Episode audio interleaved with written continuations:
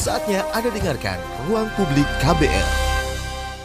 Selamat pagi saudara, kita berjumpa kembali dalam ruang publik KBR dengan tema pagi hari ini, Dilema ISIS X WNI. Pro kontra pemulangan 600-an ISIS X WNI di Suriah dijawab pemerintah. Presiden Joko Widodo mengatakan, pemerintah tidak akan memulangkan mereka. Tapi pemerintah tengah mempertimbangkan memulangkan anak ISIS bekas WNI yang berusia di bawah 10 tahun dan yatim piatu. Apakah dengan penolakan ini, urusan ISIS bekas WNI ini akan selesai sampai di sini? Dan rencana seperti apa yang sebaiknya dimiliki pemerintah bila jadi memulangkan anak di bawah 10 tahun dan yatim piatu dari keluarga ISIS ex ini? Untuk ngobrolin hal ini, kami sudah bersama pendiri Yayasan Prasasti Perdamaian Nur Huda Ismail lewat sambungan telepon. Mas Nur, pemerintah kan tidak akan memulangkan 600-an ISIS bekas WNI yang masih di Suriah. Apa tanggapan hmm. Anda terhadap keputusan pemerintah ini? Nah, saya kira kan seperti di berbagai media yang saya tekankan itu adalah bahwa narasinya jangan binary dengan pulangkan atau nggak pulangkan, tapi uh, lebih dari itu yaitu apakah kita mau sebagai sebuah bangsa itu mempunyai apa ya detected atau undetected orang-orang yang ada ISIS yang ada di sana. Karena beberapa orang yang memang saya yang sudah langsung berhubungan kepada saya misalnya beberapa saat nelpon mas saya ini ngontak sampean itu karena saya nggak punya duit jadi nggak bisa pulang sendiri gitu. Tapi ada beberapa yang sudah bisa pulang sendiri dan tidak terdeteksi. Jadi isunya itu nggak hanya mulangkan atau nggak mulangkan mereka itu ingin terdeteksi atau tidak. Oleh karena itu kita perlu dua hal. Yang satu memang seperti benar kata Pak Jokowi itu tadi perlu identifikasi yang apa itu matang siapa aja yang ada di sana. Tetapi pada saat yang bersamaan di internal kita di dalam negeri ini juga harus disiapkan Mbak kesiapannya. Berarti poinnya mau mendeteksi atau tidak ISIS yang ada di sana ya, Mas? Ah, karena kan kalau nggak dideteksi pun mereka itu nanti juga akan bisa pulang sendiri, Mbak. Kasusnya ini bukan bukan teori, tetapi memang sudah ada sebelumnya. Misalnya Agustus 2017 itu kan saya 18 lah, 17 lah ya. Saya bantu dengan bersama Kemenlu itu kan e, mendokumentasikan proses pemulangan itu. Tapi sebelum itu ada beberapa yang mampu pulang sendiri. Di buku saya yang saya tulis sekarang itu juga gitu. Karakternya si Ramdan itu juga dia itu bisa pulang sendiri dan sekarang dia tinggal di apa itu Jawa Barat dan alhamdulillah dia kecewa dengan apa yang uh, yang dia saksikan di ISIS dan bisa berintegrasi dengan baik. Demikian juga dengan minimal ada tiga atau empat yang ada di Jawa Timur. Artinya ini kita beruntung bahwa sebagian dari mereka itu mau berintegrasi dengan baik karena kecewa gitu. Kita nggak tahu juga tapi juga ada kasus kayak misalnya si dulu yang mereka pulang itu kemudian untuk melakukan rekrutmen dan balik lagi ke sana. Kita kan nggak tahu gitu loh, Mbak. Oke. Nah, kalau berbicara mengenai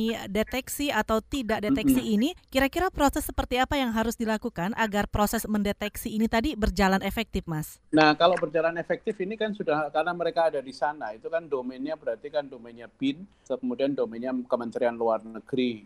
Kemudian itulah yang saya pikir perlu. Nah, biasanya yang saya tahu ini mungkin saya juga salah, itu uh, kan sekarang dulu ketika kita saya dan Kemenlu melakukan proses evakuasi itu, camp itu masih dikelola oleh kelompok namanya Rojava pemberontak Kurdi gitu. Tapi kemudian ketika si Turki sudah mulai masuk dan bisa menguasai wilayah itu dibagi dua, satu sebagian dikuasai oleh Turki dan satu dibagi oleh Rusia. Nah Turki itu akan membuka akses kepada untuk identifikasi secara detail itu kepada negara-negara yang memang sudah menyatakan siap untuk take over gitu uh, isu permasalahan orang-orang yang ada di perbatasan ini mbak. Karena kan Turki sendiri itu apa itu ya harus menangani 5 juta pengungsi yang ada di sana yang dari Syria itu. Jadi salah satu pertama pertama ya memang harus ada deklarasi antar negara G2G bahwa kita akan look after itu gitu.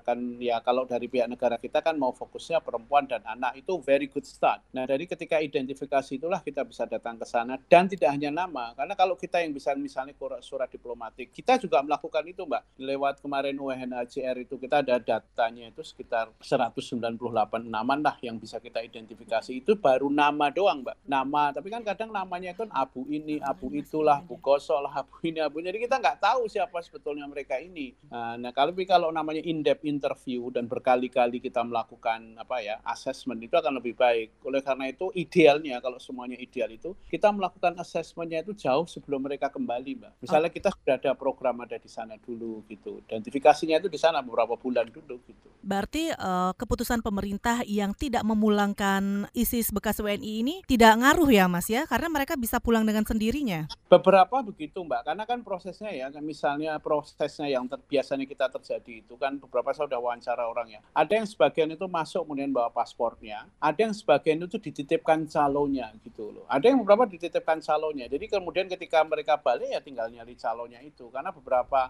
penggerbekan yang dia, di, diadakan di rumah-rumah singgah yang ada di Turki itu, di perbatasan di Istanbul, itu ditemukan ratusan paspor dan beberapa di antaranya itu adalah paspor Indonesia, orang Indonesia. Tapi apa nggak. Bahaya mas itu mas, kalau mereka pulang sendiri ke Indonesia? Takutnya Siapa keberadaan mereka, mereka tidak ini. bisa tercatat gitu. Lah, makanya kan mereka itu kan kita berasumsi bahwa mereka akan langsung kembali ke Indonesia. Padahal kan sebagian dari mereka itu bisa bersebaran ke mana aja, ke negara-negara yang itu lebih longgar, misalnya negara bekas konflik kayak Libya, atau kemudian di situ lewat jalur darat bisa sampai ke nanti ke Marawi, ke Moro, itu kan per pintu perbatasan kita itu kan banyak banget gitu. Oke, jadi nggak harus pulang ke Indonesia ya mereka? Iya, satu bisa tidak masuknya jangan dibayangkan masuknya itu Jakarta. Oh, Pintu okay. masuk ke Indonesia itu kan banyak, nggak hanya Soekarno Hatta. Bisa jadi lewat Malaysia, Sabah, bisa jadi lewat Sumatera, uh, lewat Medan. Yang karena jalur tikusnya itu kan ada beberapa hmm. dan sampai detik hari ini kalau Mbak pergi ke wilayah Sabah gitu, itu kan uh, orang keluar masuk itu nggak terdeteksi Mbak, karena memang dulu wilayah di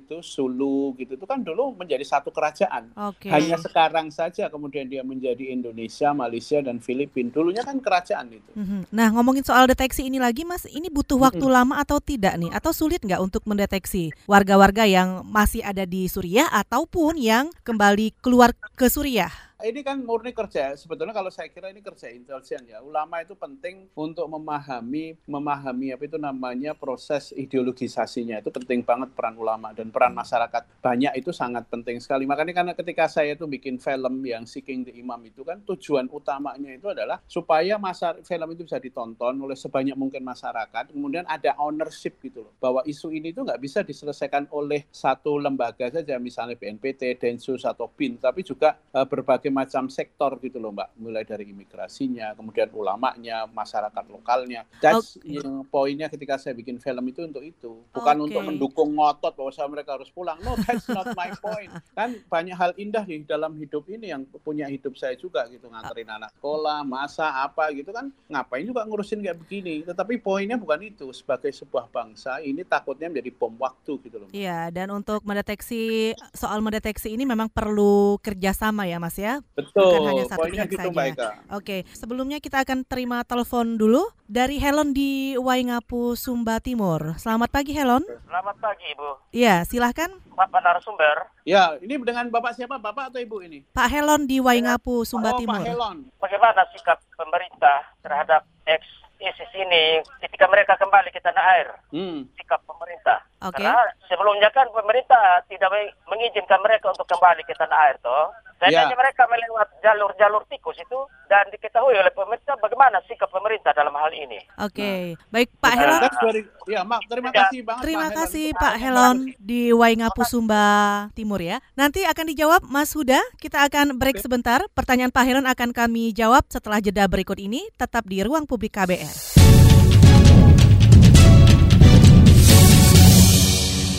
Anda masih di ruang publik KBR. Tema kita pagi hari ini adalah Dilema ISIS X WNI. Kami masih bersama Nur Huda Ismail, pendiri Yayasan Prasasti Perdamaian. Mas Huda, ya, masih bersama kami?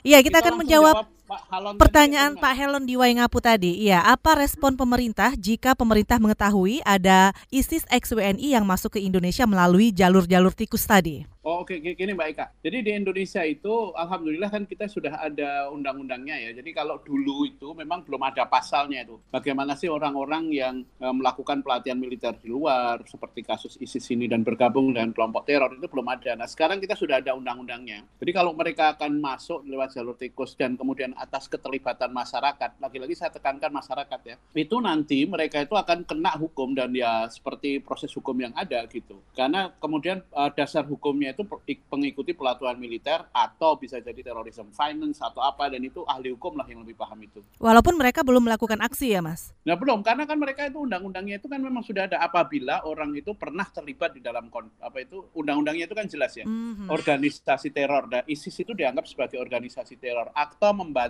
Kayak misalnya kasus yang 17 warga negara kita yang dievakuasi itu, yang lelakinya itu kemudian pak ke, yang kebetulan dia itu mantan direktur salah satu direktur di Batam sini otorita Batam itu juga kena meskipun dia tidak terlibat di dalam misalnya latihan pelatihan militer langsung tapi kena karena terorisme finance misalnya karena membantu. Gitu. Oke, baik kita tahan dulu Mas Huda kita ada Pak Erik Siregar di Depok yang akan bergabung juga. Selamat pagi Pak Erik. Selamat pagi Bu. Silakan pertanyaannya. Pertama begini Bung, kalau yang saya baca ada sekitar 7,7 juta yang bergabung dalam kelompok IS atau Islamic State. Kalau du, kalau sekarang namanya ISIS ya, mm -hmm. organisasi Islam Irak dan Suriah. Ya, gimana bang? Pertanyaan saya begini, pertama begini, kalau menurut konstitusi kita ya, negara wajib melindungi warganya di mana pun berada. Betul. Itu menurut konstitusi kita. Terkait dengan ex ISIS ini, ini ini saya bukan ini diskusi ya, bukan istilahnya kita dia pro ISIS enggak, ini diskusi ya. Betul betul.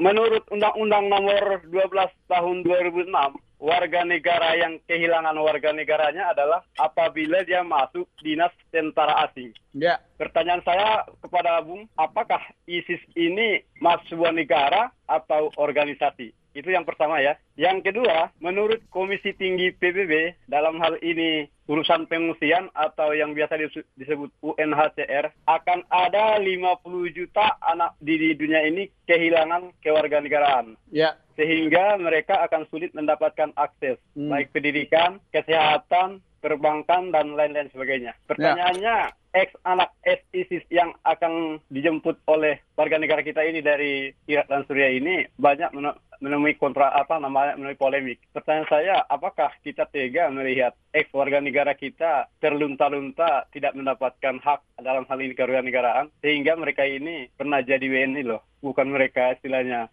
orang liar di negara kita ini. Oke. Okay. Baik Pak Erik di Siregar di Depok, terima kasih. Silakan Mas Huda. Apakah ya, gini, uh -huh. baik Kak sama Mbak er, Bang Eri ya. Ini kan sebenarnya perdebatan yang paling panas hari ini itu adalah perdebatan antara perspektif keamanan sama perdebatan dalam perspektif uh, humanitarian kemanusiaan gitu. Kalau perspektif keamanan loh kalau gua bawa ke sini nanti kemudian membahayakan yang lainnya kan begitu. Misalnya kemudian meskipun anak-anak misalnya dari video-video yang diproduksi oleh ISIS atau kemudian bagaimana anak-anak juga melakukan menjadi pelaku bom bunuh diri yang ada di Surabaya itu argumentasi ketakutan keamanan gitu. Dan itu yang kemudian dipilih tampaknya oleh pemerintah kita untuk melindungi yang lebih banyak ini. Tapi pada saat yang bersamaan ada juga suara seperti uh, Bang Eri Siregar ini bahwa loh mereka ini kan anak-anak ketika berangkat gitu loh. Gimana hak-hak mereka dan mereka kadang tidak punya pilihan gitu. Kalau pernah menjawab pertanyaan Bang Eri tadi apalagi kalau kita mengakui bahwa mereka itu bergabung kepada kelompok negara asing, maka kehilangan warga negaranya berarti kita mengakui dong ISIS itu sebagai negara gitu. Hmm. Ini kan menjadi perdebatan hukum dan itu bukan kepakaran saya. Sebenarnya ISIS Tapi, negara atau bukan, Mas? Nah, Lembaga nah, atau organisasi? Organisasi dia. Kalau ISIS itu kan tidak kalau disebut negara di dalam oke, okay, di dalam peraturan hubungan internasional yang mengikuti namanya Westphalia Order itu peraturan Westphalia terus kemudian aturan organisasi internasional itu yang diakui negara itu adalah yang diakui oleh PBB, Perserikatan Bangsa-Bangsa. Kemudian ada satu negara yang mengakui dan sampai detik ini itu ISIS meskipun memproklamasikan diri itu tidak ada satu negara pun di dunia ini yang mengakui itu negara. Tetapi kalau misalnya apakah kalau tidak diakui negara lain itu bisa menjadi tidak negara. Israel misalnya, kita tidak pernah mengakui Israel, tapi toh dia menjadi negara gitu loh misalnya. Dan itu kemudian sama yang ketika dulu di Kurdi Rojava itu juga Rojava mengatakan dia negara, tapi begitu kemudian diserang karena itu dulu didorong oleh Amerika untuk bikin negara baru, terus kemudian untuk melawan ISISnya. Nah sama dengan ISIS, jelas ISIS itu mengklaim negara, tetapi dia tidak pernah diakui oleh negara mana pun gitu loh Mbak. Oke, nah bagaimana dengan anak-anak yang ada di Suriah Mas? Pemerintah pemerintah juga kan mempertimbangkan faktor ini ingin memulangkan mereka. Nah, betul. Nah, ini memang saya kira itu faktor kemanusiaannya ya. Faktor kemanusiaan yang dimunculkan ini. Ini kan juga bukan permasalahan yang gampang. Ini juga super pelik. Kalau seandainya kita ambil gitu, apakah kemudian dipisahkan dengan orang tua? Anak-anak milik orang tua seperti apa? Tapi sekali lagi kita itu sebagai bangsa besar harus mulai percaya diri. Kita ada infrastrukturnya. Kita ada namanya dinas sosial, kita ada namanya apa itu namanya BNPT, kita ada Densus yang itu meskipun tidak sempurna itu harus kita dorong untuk melakukan kerja-kerja seperti ini. Makanya sekali lagi, kenapa saya selalu menekankan pentingnya masyarakat itu untuk terlil, ter, selalu terlibat, karena mereka ini juga mempunyai keluarga. Jadi beberapa kalau saya sih idealnya kita akan melakukan database terhadap orang-orang Indonesia dulu yang beredar Indonesia yang orang tuanya itu terlibat. Misalnya misalnya bukan orang tuanya keluarganya itu. Misalnya kita satu orang satu rumah itu punya lima anak, salah satu anaknya itu berangkat. Itu keluarganya mau terima atau enggak? Nah ketika itulah yang kemudian melewati lewat keluarga dulu. Lewat keluarga kemudian difasilitasi oleh negara karena suka atau nggak suka program negara itu selalu terbatas mbak. Dua nah, bulan tiga bulan gitu. Nah keluarganya ini yang harus look after dan masyarakatnya inilah yang kemudian harus suka atau suka harus siap gitu Nah, WN, uh, eh, WNI bekas ISIS yang misalnya punya anak membawa anak kecilnya ke Suriah, mm -hmm. terus anaknya ini kan rencananya akan dipulangkan pemerintah, terus barengan dengan yeah. orang tuanya atau gimana nah, tuh Mas? Nah itu nih saya detailsnya kan saya nggak ikut rapat-rapat negara. Okay. Mbak, Mbak Eka. Tapi itu maksudnya permasalahan kompleks yang harus kita diskusikan bersama gitu. Ini gimana gitu? Kalau misalnya anaknya itu tiga gitu, yang satu udah 17 yang lahirnya di sana, misalnya dari data UNHCR yang bisa kita dapat itu ada 43 bayi yang lahir di Syria, minimal hmm. 43-an. Itu lahir di sana. Nah, belum tentu yang menariknya itu belum tentu orang tuanya orang Indonesia juga. Yeah. Misalnya kan mereka kawin nah yang ini yang kontak saya ini misalnya. Dia tinggalnya di Depok, kemudian lelakinya itu dari Timur Tengah. Anaknya itu kayak gimana gitu. Dan oh. itu bukan satu dua kasus gitu. Karena di ISIS itu kinship atau pernikahan itu sebagai sebuah metode untuk penguatan. Jadi kan mereka itu ingin membangun kayak mirip negara Israel gitulah, Judaism state gitu sebagai sebuah negara yang pure pure Islam, maka kawin kemawin itu menjadi salah satu pilihannya. Dia bukan hanya seperti kelompok Al-Qaeda saja yang kemudian dia melatih para lelakinya untuk menjadi, melakukan serangan-serangan, tapi yang ditawarkan oleh ISIS itu adalah peranata sosial baru. Okay. Oleh karena itu, kita salah kalau hanya melihat ISIS itu sebagai kelompok teror. Jadi juga menjadi kalau lihat promo-promonya itu loh Mbak, di video-video itu Mbak Eka ya. Yeah. Itu kan ditawarkan lu kalau ke sini lu gua dapat kerjaan, lu kalau ke sini lu dapat jodoh. Janji-janji manis ya Mas ya. Nah, iya janji manis. Makanya kan kerja saya kerja kerja saya itu kan mengumpulkan orang-orang yang pernah kena ini apa itu sipoanya ISIS ini gitu yang dibohongin ISISnya itu untuk mereka cerita gitu bahwa kemunafikan doang ini kayak begini-beginian ini gitu loh. Inilah yang disebut namanya credible voice itu loh Mbak Ika. Nah, dari dari situ juga menimbulkan masalah-masalah juga ya Mas ya soal misalnya hmm. muncul persoalan kewarganegaraan anak-anak yang lahir di sana Betul. yang bapaknya atau ibunya belum tentu orang Indonesia juga gitu. Betul. Nah, terus Dan bapaknya belum tentu satu. Lo serius ini, serius ini. Yeah, Saya yeah. bukan bersih. Bapaknya nggak jangan satu. Misalnya hari ini, karena mereka itu kan ada trend belum misalnya secepat mungkin untuk mendapatkan pasangan gitu. Kalau saya baca testimoninya mereka, wawancara mereka itu juga sedih banget saya lihatnya gitu. Kok Islam sebegitu rendahnya ya dipermainkan begitu. Mhm. Nah kalau untuk mendampingi anak bagaimana mas? Pendampingin anak ini? Lagi-lagi ini bukan kepakaran saya ya untuk mendampingin anak. Tapi itu kan perlu psikolog ya mbak ya. Tapi yang saya sendiri juga melakukan ada anak yang ketika proses evakuasi itu, ketika saya temuin itu umurnya masih 10-12 tahunan lah. Itu juga trauma loh, mereka melihat kekerasan gitu di depan mata itu dan sampai mendalam. Dan saya kira alhamdulillah BNPT itu melakukan kerja-kerja yang cukup serius mendampingi anak-anak ini gitu. Anak ini, anak satu, ada satu anak yang sekarang udah di pesantren gitu, yang identitas dirinya pelan-pelan lah gitu, untuk bisa apa itu eh, menemukan lagi gitu. Tapi ini jumlahnya kan banyak. Betul. Dan, Kalau Anda melihatnya kesiapan negara untuk mendampingi anak-anak tadi seperti apa, Mas? Ya kalau kita ngomong sebetulnya negara itu kan banyak nggak siapnya kalau kita ngomong ya. Karena kan kalau kalau ibarat kita pakai sarung itu ya. Kalau kita pakai sarung itu kalau kita tarik itu lutut kita kelihatan, kalau kita turunin ya yang lain kelihatan gitu. Jadi memang semuanya serba kurang kita ini. Tapi ya gimana lagi ini permasalahan yang harus kita hadapi e, modernitas ini. Ini permasalahan besar gitu loh. Kalau cara paling gampang paling gampang ya udahlah nggak usah jemput gitu aja. Hitam putih gitu loh. Permasalahannya nggak sekedar hitam putih itu masalahnya mbak Eka. Oke baik Mas Nurhuda kita akan kembali lanjutkan obrolan ini. Tapi kita akan jeda sebentar. Tetap bersama kami ya Mas Huda. Ruang publik akan kembali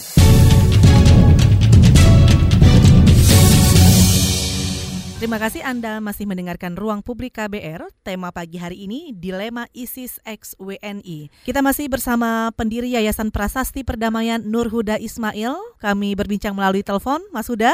Yo, siapa Eka? Iya, kita akan membacakan WhatsApp yang sudah masuk. Selamat pagi, ada Anton di Yogyakarta. Hmm, Saya setuju dengan pemerintah, mereka sebaiknya jangan dipulangkan ke Indonesia, terutama jika pemerintah belum bisa melakukan rehab yang benar-benar total. Soalnya kalau paham semacam itu sudah sulit sekali untuk digantikan. Tanggapannya Mas? Ya saya kira Mas Anton itu sangat justified ya, apa sangat beralasan sekali. Kalau negara belum siap ya memang kita sebaiknya enggak. Oleh karena itu kan pesannya sebagai sebuah negara kan kita harus menyiapkan diri. Ini kan sebetulnya poinnya itu itu, poinnya itu sama seperti Mas Anton itu. Kalau negara enggak siap ya jangan diambil nanti bom waktu. Nah oleh karena itu tantangannya negara itu memang harus menyiapkan betul infrastrukturnya sebelum kita itu ngomong. Karena itu bukan bukan hanya pilihan bahwa kita ambil atau enggak, mereka akan cari jalan untuk balik Bayangkan kalau baliknya itu pernah kemarahan dan dendam, that's more, much more scarier. Nah kalau kita itu datangnya sekarang, kemudian menyiapkan dua kaki itu, satu kaki di global, di global itu maksudnya datang ke sana, melakukan program identifikasi, ya diradikalisasi lah diadakan di sana, dan pada saat yang bersamaan kita menyiapkan infrastruktur di dalam negerinya, itu yang idealnya kan kayak begitu Mbak Eka. Infrastrukturnya udah siap belum di dalam negeri ini Mas? Nah kalau sebetulnya kalau di dalam negerinya itu, kalau kita mau jujur per hari ini ya belum siap, karena misalnya jumlah penjara kita itu kan isu paling mendasarnya kan overcrowded. Di Cipinang aja misalnya itu di desanya itu untuk 800 900 orang itu hari ini hampir 3000 2800-an karena 70 persennya itu narkoba. Dan penjara teroris eh, banyak LPLP yang menangani napi teroris itu nggak mau terima napi teroris karena kecil nyebelin susah susah diatur dan mereka itu sekarang hari ini tersebar di 15 penjara tempatnya berjauhan di mana-mana. Staf yang ada di apa BNPT untuk mengunjungi begitu banyak juga akan repot ngos-ngosan juga gitu loh. Jadi oleh karena itu memang kalau per hari ini masih banyak PR-nya. Oke. Okay. Apalagi kalau kita misalnya departemen sosial gitu. Departemen sosial itu kerjanya bagus. Cuma mereka isu ini isu baru buat mereka. Mereka bisa biasanya kan untuk menangani kayak misalnya uh, kecelakaan sosial lah, maksudnya uh, bencana sosial ya. Kemudian wanita tunasusila atau orang pinggir jalan gitu. Tapi kalau kemudian yang kena ideologi macam ISIS gini, karena saya juga melakukan pendampingan beberapa dengan teman-teman yang yang ada di Departemen Sosial yang masih berat Mbak menangani itu. Gitu. Baik, selanjutnya kita ada juga WA dari Fuad di Padang. Jika bekas ISIS ada yang sampai ke Indonesia lewat jalur-jalur tikus dan tidak sampai diketahui pemerintah, bukannya itu lebih berbahaya. Mereka bisa menyebarkan paham radikal dan makin memecah belah masyarakat. Bagaimana pemerintah mengantisipasi hal ini? Nah, ini ini penting. Ini sebetulnya selalu yang poin penting yang ingin saya katakan berkali-kali itu. Kita khawatir sudah banyak yang masuk lewat jalur tikus dan kita nggak ngertiin harus bersifat seperti apa. Ya saya kita masyarakat dan pemerintah harus kerjasama melakukan tindakan hukum karena memang kalau hukum itu harus hitam putih, tapi aspek sosial itu tidak bisa hitam putih. Misalnya contoh saya sendiri kan saya kebetulan di Yayasan Prasasti dan juga sekarang kita memakai inisiatif di ruang ngobrol itu website komunitas, terus kemudian kita itu yang mengisi mengisi apa itu websitenya dan kita kan juga ada kerjasama dengan 68 juga kan. Itu justru orang-orang yang pernah melihat kemunafikan ISIS di sana itu kita pakai suaranya dan kemudian untuk bisa kemudian uh, untuk sebagai tindakan preventif. Artinya adalah kita ini harus bekerja di level downstream yaitu orang-orang yang sudah kena masuk ke comberan ini mantan-mantan ini kita bersihkan kita latih untuk kemudian kita pakai di upstream yaitu untuk tindakan preventif ke depannya. Itu kan idealnya kayak begitu mbak. Oke. Baik selanjutnya ada juga dari Bimo di Jakarta melihat kasus banyaknya warga negara Indonesia yang pergi ke Suriah dan menjadi bagian dari ISIS Indonesia perlu memperbaiki diri. Saat ini toleransi masyarakat di Indonesia makin tipis banyak juga kekecewaan terhadap pemerintah. Mungkin ini juga yang membuat banyak warga yang memilih jadi anggota ISIS. Seperti itukah kira-kira Mas? Ya, saya kira memang begitu Mbak. ISIS itu kalau kita melihat itu pun kayak semacam puncaknya gitu. Tapi untuk orang menjadi pendukung ISIS itu kan mengalami proses ya. Prosesnya itu pelan-pelan ya. Kalau misalnya kasus beberapa orang-orang yang saya wawancara, misalnya di film yang Seeking the Imam kalau Dania itu justru yang menariknya itu bukan karena ideologi kekerasan ISIS lah yang menarik anak perempuan 17 tahun yang sekolah di SMA, tapi lifestyle wow mereka pakai kerudung begini, pakai begini, gua kepengen lebih suci. Ada juga misalnya ada orang dari Inggris gitu, namanya Irsan gitu. Dia di Inggris itu kemudian dia dapat duit banyak banget, tapi kemudian maksiat mulu, ketemu website, wah gua ingin bersih-bersih dosa, gua jihad gitu. Jadi alasannya itu nggak tunggal gitu loh mbak. Dan salah satunya itu juga mengalami eskalasi dari keterlibatan di aksi-aksi intolerance, seperti kalau misalnya beberapa mantan FPI, ini penting, mantan FPI yang tidak puas dengan FPI di wilayah Lamongan misalnya, itu kemudian mereka dari yang biasanya terlibat di dalam aksi-aksi intoleran di Lamongan, mereka naik kasta menjadi pemain global dan gabung ISIS itu gitu. Makanya ini refleksi penting buat negara kita itu memang sangat penting sekali menekankan itu merayakan perbedaan itu menjadi penting banget gitu. Oke. Nah, ini juga ada WhatsApp yang mungkin berhubungan juga pertanyaannya dengan Bimo di Jakarta tadi. Ada Tri di Jakarta, dia bilang kalau benar seperti penjelasan narasumber yang gabung ISIS itu juga ada yang mau memperbaiki kehidupan ekonomi. Seperti apa kenyataan yang mereka temukan di sana? Apakah benar ada perbaikan ekonomi? Enggak, malah justru karena mereka itu salah. Jadi hampir ya. Saya itu wawancara sekitar ya lebih dari berapa ya? Sekitar 15-an orang yang terlibat ISIS itu rata-rata yang pulang itu karena kecewa, Mbak. Ya yang dijanjikan itu zong semua mereka hmm. itu. Omong kosong semua, maka mereka balik. Nah, karena kebohongan ISIS itu banyak dan kita punya record orang yang pernah mengalami itulah yang ingin kita omongkan sehingga tidak lagi nanti Anda model-model model kayak ISIS kayak begini dan itu mesti akan muncul. Dan ini bukan teori, ada yang sekarang sudah berangkatnya ke Afghanistan dan kita sudah ketangkap di sana. Ada lagi yang sekarang berangkatnya ke Marawi yang malah bahkan kita itu menjadi orang yang menjadi deportan bukan return ya. Ada dua perempuan pasangan suami istri itu yang gagal masuk tapi kemudian dideportase malah menjadi pelaku bom bunuh diri yang ada di di Holo itu di gereja itu. Itu poinnya kenapa orang menjadi khawatir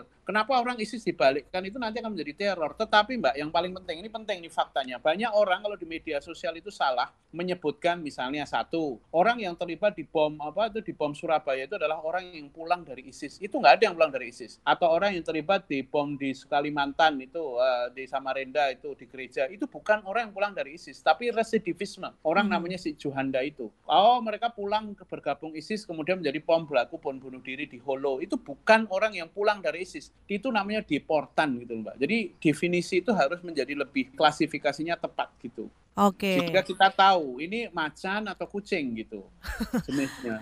Baik. Nah, yang tergabung di dalam ISIS kan ini dari berbagai negara kan, Mas ya. Nah, yeah. kalau dari pandangan Mas Huda sendiri seperti apa pengalaman negara lain dalam menangani ISIS? Nah, pengalaman negara lain itu uh, tidak tunggal, Mbak ya. Ada yang kemudian yang ironisnya itu bukan negara yang mayoritas muslim gitu, malah justru mau menerima. Uh, mereka ngambil mungkin karena infrastrukturnya sudah siap ya. Ada yang kemudian diintegrasikan dengan baik. Kalau Inggris dia nggak mau terima karena asumsinya dual nationality gitu. Ada yang terima semua. Jadi tidak ada yang tunggal gitu cara penanganannya gitu. Dan oh. ya kita nah, dan yang paling penting Mbak bagus menyebutkan bahwa ini, ini adalah Mbak Ika bagus ini banyak negara. Artinya negara Indonesia itu harus ini penting nih, harus menyelesaikan masalah ini tidak dengan sendiri, tapi harus memakai infrastruktur internasional yang sudah ada seperti ASEAN misalnya atau ASEAN European Union atau Indonesia bagian dari UN. Karena ini sudah ada diskusi-diskusi tentang tentang ini. Kenapa saya sekarang fellowship di Singapura itu juga salah satunya itu ingin melihat isu ini tidak hanya melulu pakai kacamata Indonesia, tetapi pakai kacamata regional dan global itu, Mbak. Mm -hmm.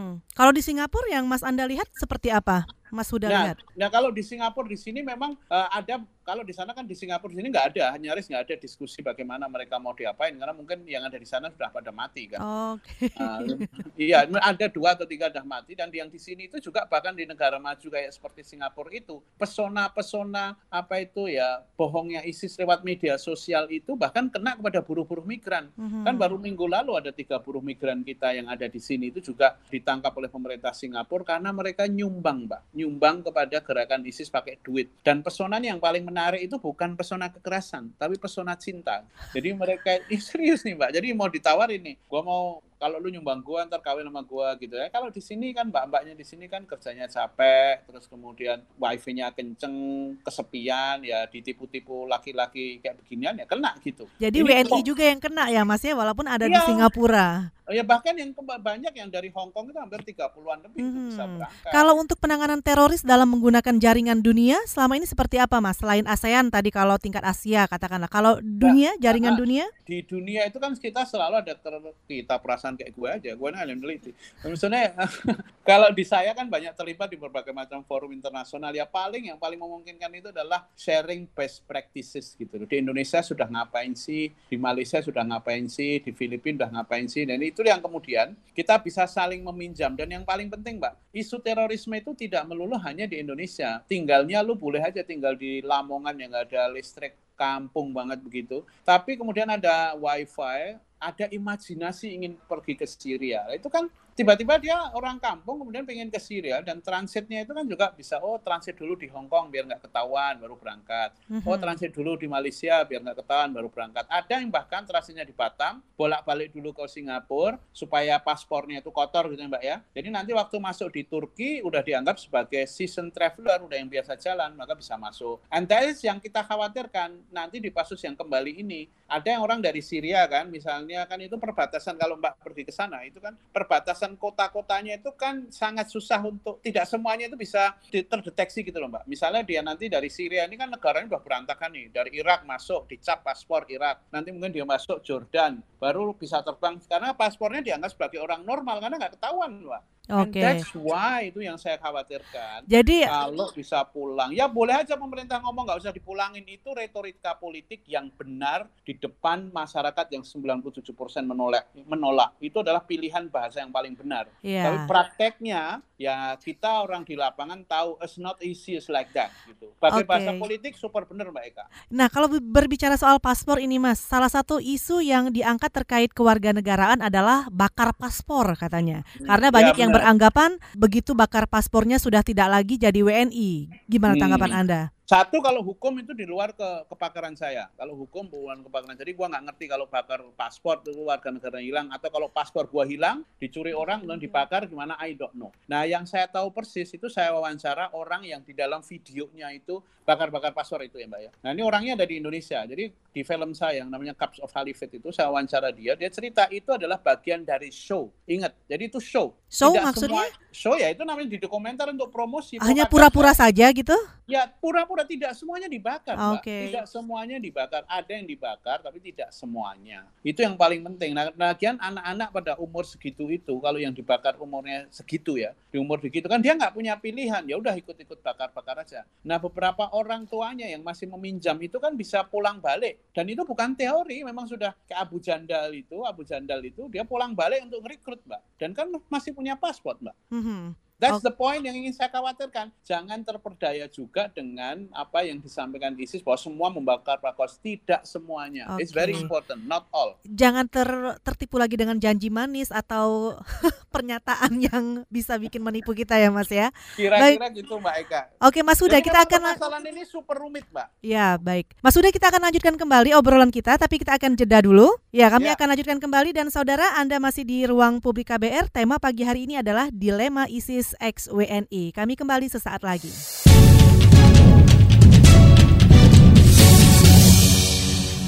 Ya, Anda masih di ruang publik KBR. Tema pagi hari ini dilema ISIS X WNI masih bersama pendiri Yayasan Prasasti Perdamaian Nur Huda Ismail. Ya, tadi kan uh, sempat disebutkan bakar paspor sebagai sebuah show ya, Mas ya, atau semacam ya. aksi teaterikal seperti itu. Nah, apakah model ISIS ini suatu saat nanti akan mungkin muncul lagi dan mungkin lebih canggih lagi nih cara propagandanya? Kalau sudah ya. begitu misalnya, apa langkah pencegahan yang harus disiapkan kalau itu terjadi di masa depan, Mas? Nah, makanya kalau saya itu kan kampanye saya itu selalu terinspirasi kampanye public health gitu loh. Jadi kampanye untuk kesehatan. Jadi ada namanya inokulasi, disuntik dulu kita itu bayi-bayi itu supaya kasih virus dulu, supaya nanti kalau ada virus yang sama punya daya tahan. Nah, salah satu daya tahannya itu adalah early on kita itu harus seperti tadi Mbak sampaikan dan beberapa penelpon yang terdahulu, intolerance itu loh. Kita kan selalu orang yang gabung ISIS itu kan dying for purity. Dia itu selalu ingin suci gitu. Wah, negara Islam, semuanya khilafah dan jualan-jualan macam kayak beginian itu banyak gitu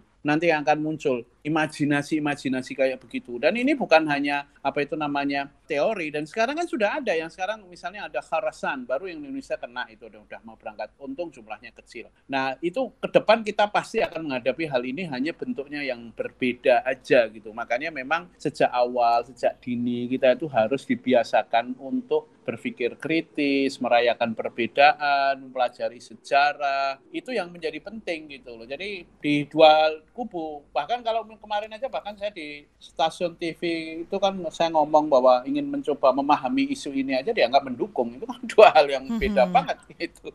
Nah, ini mungkin analoginya itu kayak misis kasus bagaimana dulu pemerintah Indonesia itu ketika menghadapi kasus komunisme dan mungkin sedikit banyak dengan pemakai narkoba itu loh, Mbak. Di komunisme itu kan semua kan dulu pernah orang kena kebiahu ya, kena semuanya itu. Padahal di sini hanya untuk orang yang bikin minum lah, ada yang anggota arisan lah, tapi kena kayak gitu. Ada yang sebagian memang terlibat langsung gitu. Kalau di narkoba kan juga ada klasifikasi. Kalau yang pemakai ya direhabilitasi, kalau yang mengedar itu yang masuk penjara. Tapi masalahnya kadang yang pengedar ketika masuk di penjara juga mempengaruhi yang lain gitu. Oke. Nah, kan sejak 2016 lalu sebenarnya sudah ada ratusan simpatisan atau ex simpatisan ISIS pulang ke tanah air kan, Mas? Mm-hmm. Pada 2017 juga ada sekitar 18 orang yang uh, Mas Huda bantu kepulangannya. Nah, saat itu juga dibilang nggak terlalu ramai dibicarakan. Tapi kenapa sekarang ini kok ramai sekali dibicarakan ya? Kenapa nih Mas? Nah, nah kalau saya ini ada kan kalau kita orang yang belajar politik itu kan selalu melihat kejadian itu apa yang terlihat dan apa dalam konteksnya gitu.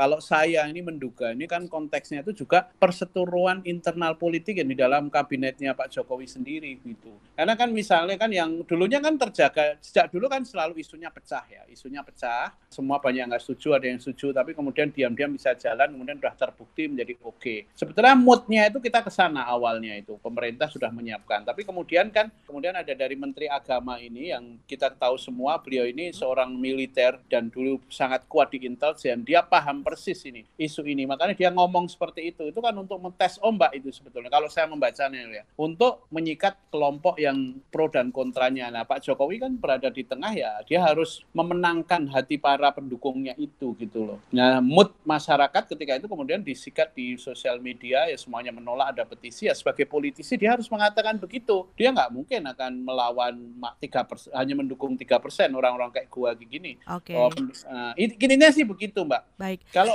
kerja-kerja senyap dan memang menuju kemanusiaan inilah yang sebetulnya perlu kita dorong ke depan gitu. Mm -hmm. Nah, kalau menurut Anda sendiri ketakutan masyarakat dan pemerintah ketika ISIS bekas WNI ini pulang ke Indonesia, apakah akan menimbulkan masalah keamanan nanti? Kalau saya begini, Mbak, saya malah senang kalau masyarakat ini 97% mereka menolak ISIS. Artinya, itu adalah modal sosial yang sangat luar biasa ketakutan mereka ini bisa kita manfaatkan untuk terus melawan ideologi ISIS ini di dalam segala macam bentuknya bentuknya di dalam negeri. Cuma yang kemudian pelan-pelan disadarkan itu adalah barangkali ini barangkali ya Mbak ya, cara untuk melawan ideologinya itu adalah dengan mengajak orang-orang yang pernah kena itu untuk menceritakan betapa dodolnya, berapa busuknya, betapa munafiknya narasi-narasi ISIS ini. Bahkan sampai hari ini tadi kayak misalnya kemarin saya baca di sebuah portal ya, ya ngomong bahwa oh nanti kalau ISISnya nggak mau terima, terbuat terima deh karena mereka nggak mungkin mau pulang bahwa kondisi mereka jauh lebih makmur. Ini kan ngawur banget. Orang-orang yang di sana itu yang kontak saya, menelpon saya. Sekarang hari ini musim dingin, tinggalnya di kemah, mereka nggak ada penghangat gitu, dan mereka agak susah anak-anaknya ke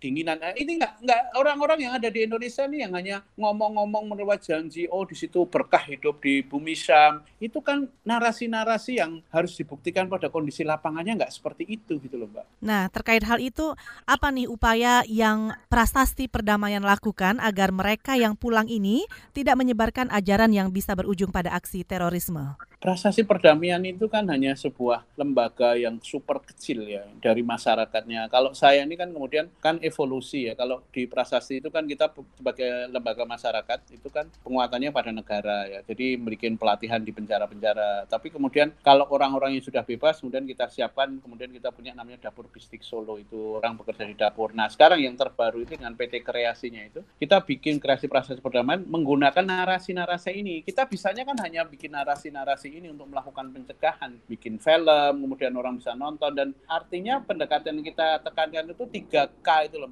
mulai 3K pertama itu adalah knowledge, knowledge, kemudian kita menyebarkan masyarakat tentang ilmunya itu seperti apa, kondisi realnya seperti apa. Yang kedua itu adalah skill, gimana sih kita menghadapi kalau kondisi seperti itu dan yang terakhir itu oh, you, understanding, understanding itu konteks. Karena setiap masyarakat, setiap returnee, setiap kasus itu berbeda-beda. Maka perlu konteksnya, Mbak. Dia di mana? Kalau misalnya misalnya napi teroris yang ada di misalnya di Poso itu berbeda penanganannya dengan ada yang di Jakarta. Di Solo beda lagi dengan yang di Jawa Barat. Karena konteksnya itu berbeda. Sama dengan yang ISIS itu nanti. Dan ini juga posisi yang tidak bisa yayasan kita ini kan super kecil banget, Mbak. Tempat aja ngontrak mulu gitu ya. Jadi yang maksudnya kecil, itu too small gitu. Makanya saya ini kan sekarang jadi ya harus sekolah lagi. Ya. Walaupun kecil tapi manfaatnya besar ya, Mas ya. Salah satunya juga film yang dibuat Mas Yuda, uh, Mas Huda semoga responnya luar biasa dan juga memberikan manfaat juga untuk warga negara Indonesia Insya buat Allah kita gitu, semua.